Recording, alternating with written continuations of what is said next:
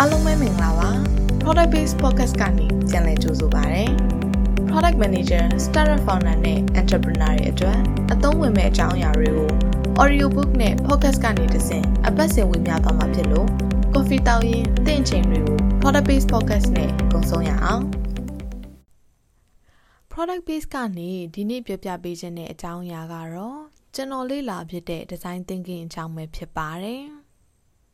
design thinking လို့ပြောရင်ဒီဇိုင်နာတွေအတွက်လိုက်နာရမယ့်အကြောင်းအရာတွေလို့ထင်ရှားလိရှိပါတယ်။အမှန်တော့ design thinking ကလူတိုင်းအတွက်အသုံးဝင်ပါတယ်။ engineering မှာမဟုတ်ပဲ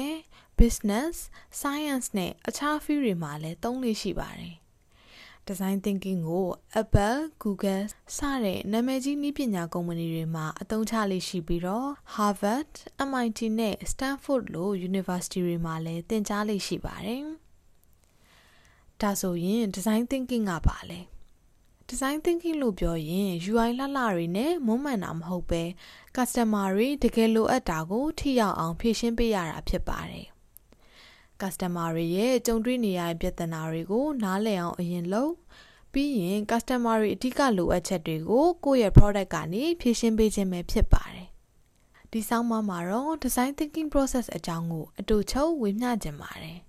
design thinking လို့ Google မှာရိုက်ရှာလိုက်ရင်ပုံမှန်အားဖြင့် process ၅ခုကိုတွေ့ရပါလိမ့်မယ်။အဲဒီ process ၅ခုအစားပုံမလွယ်ကူလောက်တဲ့ Alan Cooper ရဲ့ design thinking in 3 step နဲ့အတူချုပ်ဝေမျှကြည့်ပါမယ်။ Alan ရဲ့ design thinking framework မှာ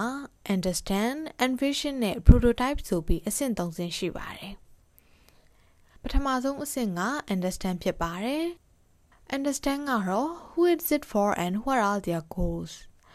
ကိုယ့်ရဲ့ customer တွေကဘယ်သူတွေလဲသူတို့ရဲ့ goals တွေကဘာတွေလဲဆိုတာကို နားလည်အောင်ပြုလုပ်ခြင်းဖြစ်ပါတယ်အဲ့တော့ပထမဆုံး customer တွေရဲ့ပြဿနာအခက်အခဲတွေကို နားလည်အောင်လုပ်ရတဲ့ research ဖြစ်ပါတယ်အရင်ဆုံး customer တွေစီကကိုလေ့လာခြင်းတဲ့ objective ကိုရွေးချယ်ရပါမယ်ကိုက delivery business တစ်ခုလုပ်မယ်ဆိုရင်ကိုယ့်ရဲ့ objective က delivery နဲ့ပတ်သက်တဲ့အကြောင်းအရာတွေဖြစ်ပါလိမ့်မယ် အဲ့ဒီထဲကမှ breakdown ထပ်လုပ်လို့ရမယ်ဆိုရင်ထပ်လုပ်ပါဥပမာအစားအသောက် delivery လားပစ္စည်း delivery လား research objective ရပြီဆိုရင်တော့ target audience ကိုရှာရပါမယ် target audience လို့ပြောရင်ကိုယ့်ရဲ့ direct user ပဲမဟုတ်ပဲဒီ direct user ရဲ့အခက်အခဲကို ဖြည့်ရှင်းပေးမဲ့လူတွေအကုန်လုံးပါဝင်ပါတယ်ဥပမာ delivery မှာမဲ့ကိုယ့်ရဲ့ customer တွေအပြင် delivery ပို့ပေးမဲ့သူတွေနဲ့စားတောက်ဆိုင်တွေကကိုယ့်ရဲ့ target audience ဖြစ်ပါလိမ့်မယ်။နောက်ဆုံးတစ်ခုပြင်ဆင်ရမှာကတော့ interview structure ပဲဖြစ်ပါတယ်။ interview အတွက်မိမိဘက်ကပြင်ဆင်ပြီးသွားရင်တော့နောက်တစ်ဆင့်အနေနဲ့ customer တွေ user တွေစီသွားပြီး interview မေးရပါမယ်။ interview မေးရင်အနည်းဆုံး2ယောက်ရှိသင့်ပါတယ်။တစ်ယောက်က interview မေးမဲ့သူနောက်တစ်ယောက်ကတော့ဘေးကနေနှုတ်မှတ်မဲ့သူဖြစ်ပါတယ် အင်တာဗျူးဖြေမဲ့သူစီရောက်တာနဲ့မိကုန်းတွေတမ်းမမေးပဲ audience အတွက် expectation ထားရပါမယ်ဥပမာဘာဖြစ်လို့သူကအင်တာဗျူးခံရတာလဲအင်တာဗျူးကဘယ်လောက်ကြာမှလဲစသဖြင့်ပါမိမိအနေနဲ့လည်းအင်တာဗျူးတောက်လျှောက်မှာတေချာအာရုံစိုက်နားထောင်ဖို့လိုအပ်ပါလိမ့်မယ်ထိရောက်တဲ့ customer interview အတွက် tips တွေကိုလေ့လာခြင်းရင် product base မှာ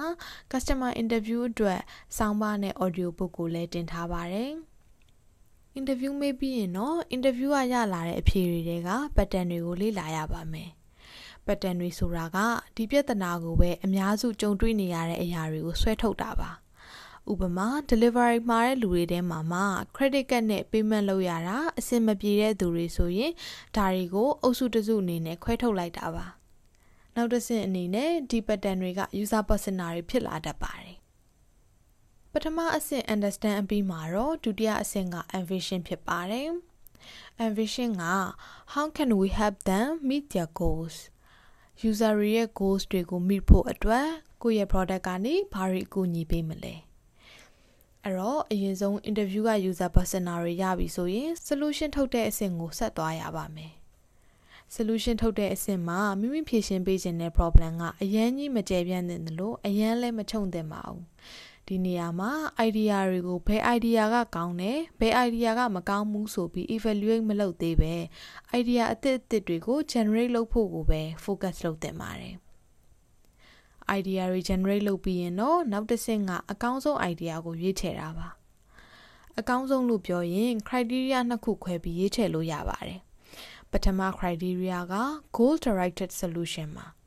ဘယ် idea ကကိုယ့်ရဲ့ user personal goal နဲ့အလိုက်ဖက်ဆုံးဖြစ်မလဲဆိုတာရွေးချယ်တာပါအကယ်၍ idea တစ်ခုထပ်မကရှိနေရင်ဒုတိယ criteria ကိုထပ်ပြီးကြိုက်မကြိုက်ကြည့်ရပါတယ်ဒုတိယ criteria ကတော့ကိုယ့်ရဲ့ business goal investment အကြီးအသေးနဲ့လုံနိုင်စွမ်းဖြစ်တဲ့ feasibility တို့ကိုထည့်သွင်းစဉ်းစားခြင်းဖြစ်ပါတယ်ဒီချက်တွေကိုထည့်စဉ်းစားပြီးတော့အကောင်းဆုံး idea ကိုရွေးချယ်ရပါလိမ့်မယ် ဒါကတော့ဒုတိယအဆင့် ambition ဖြစ်ပါတယ် ambition ပြီးရင် design thinking process ရဲ့တတိယအဆင့်က prototype ပါ prototype အဆင့်ကတော့ how could it work ကိုသိအောင်ပြုလုပ်ခြင်းပါ prototype အဆင့်မှာတော့အကောင်းဆုံးရွေးချယ်ခဲ့တဲ့ idea ကို storyboard တစ်ခုတည်ဆောက်ပါတယ်။ဘာကြောင့် prototype တွေရေးဆွဲကြတာလဲ။ prototype ရေးဆွဲခြင်းက develop မလုပ်ခင်မိမိ idea တကယ်အလုပ်ဖြစ်လားမဖြစ်လားဆိုတာကိုသိနိုင်တယ်လို့အဖိုးအခလည်းပိုသက်တာလို့ပါ။နောက်တစ်ခုကမိမိ idea ကလိုအပ်ချက်တွေရှိနေသေးရင်အချိန်မီပြန်လည်ပြင်ဆင်ပြီး develop လုပ်လို့ရပါတယ်။ prototype ဆွဲနည်းမျိုးစုံရှိပါတယ်။အကောင်းဆုံးနည်းကိုအကြံပေးရရင်တော့စာရွက်နဲ့ခဲတံနဲ့ဆွဲကြည့်ခြင်းပဲဖြစ်ပါတယ်။ raw.io တို့လို tools တွေသုံးပြီးတော့လည်း prototype ကိုလွယ်လွယ်ကူကူဆွဲလို့ရပါတယ်။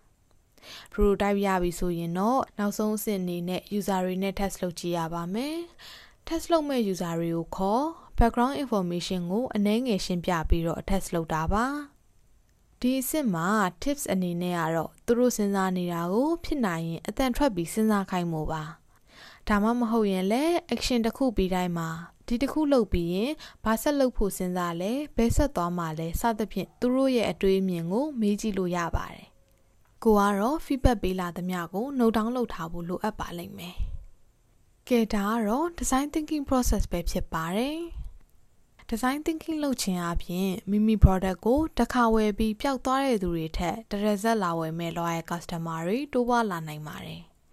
ဘာလို့လဲဆိုတော့ design thinking ကိုသုံးပြီးဒီ customer တွေရဲ့အခက်အခဲပြဿနာတွေကို deep dive ဝင်ရောက်ဖြေရှင်းပေးထားလို့ပဲဖြစ်ပါတယ်။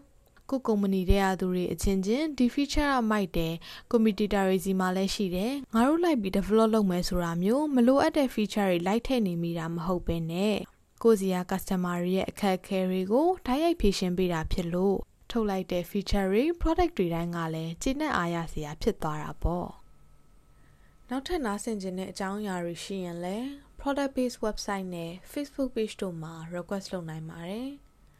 product base မှာ product သမားအချင်းချင်း idea တွေ knowledge တွေနဲ့ experience တွေ share ဖို့နွေးနွေးထွေးထွေးဖိတ်ခေါ်ပါတယ်။ product base ရဲ့ audio book ကို နားဆင်ပေးတဲ့အတွက်ကျေးဇူးအထူးတင်ပါတယ်ရှင်။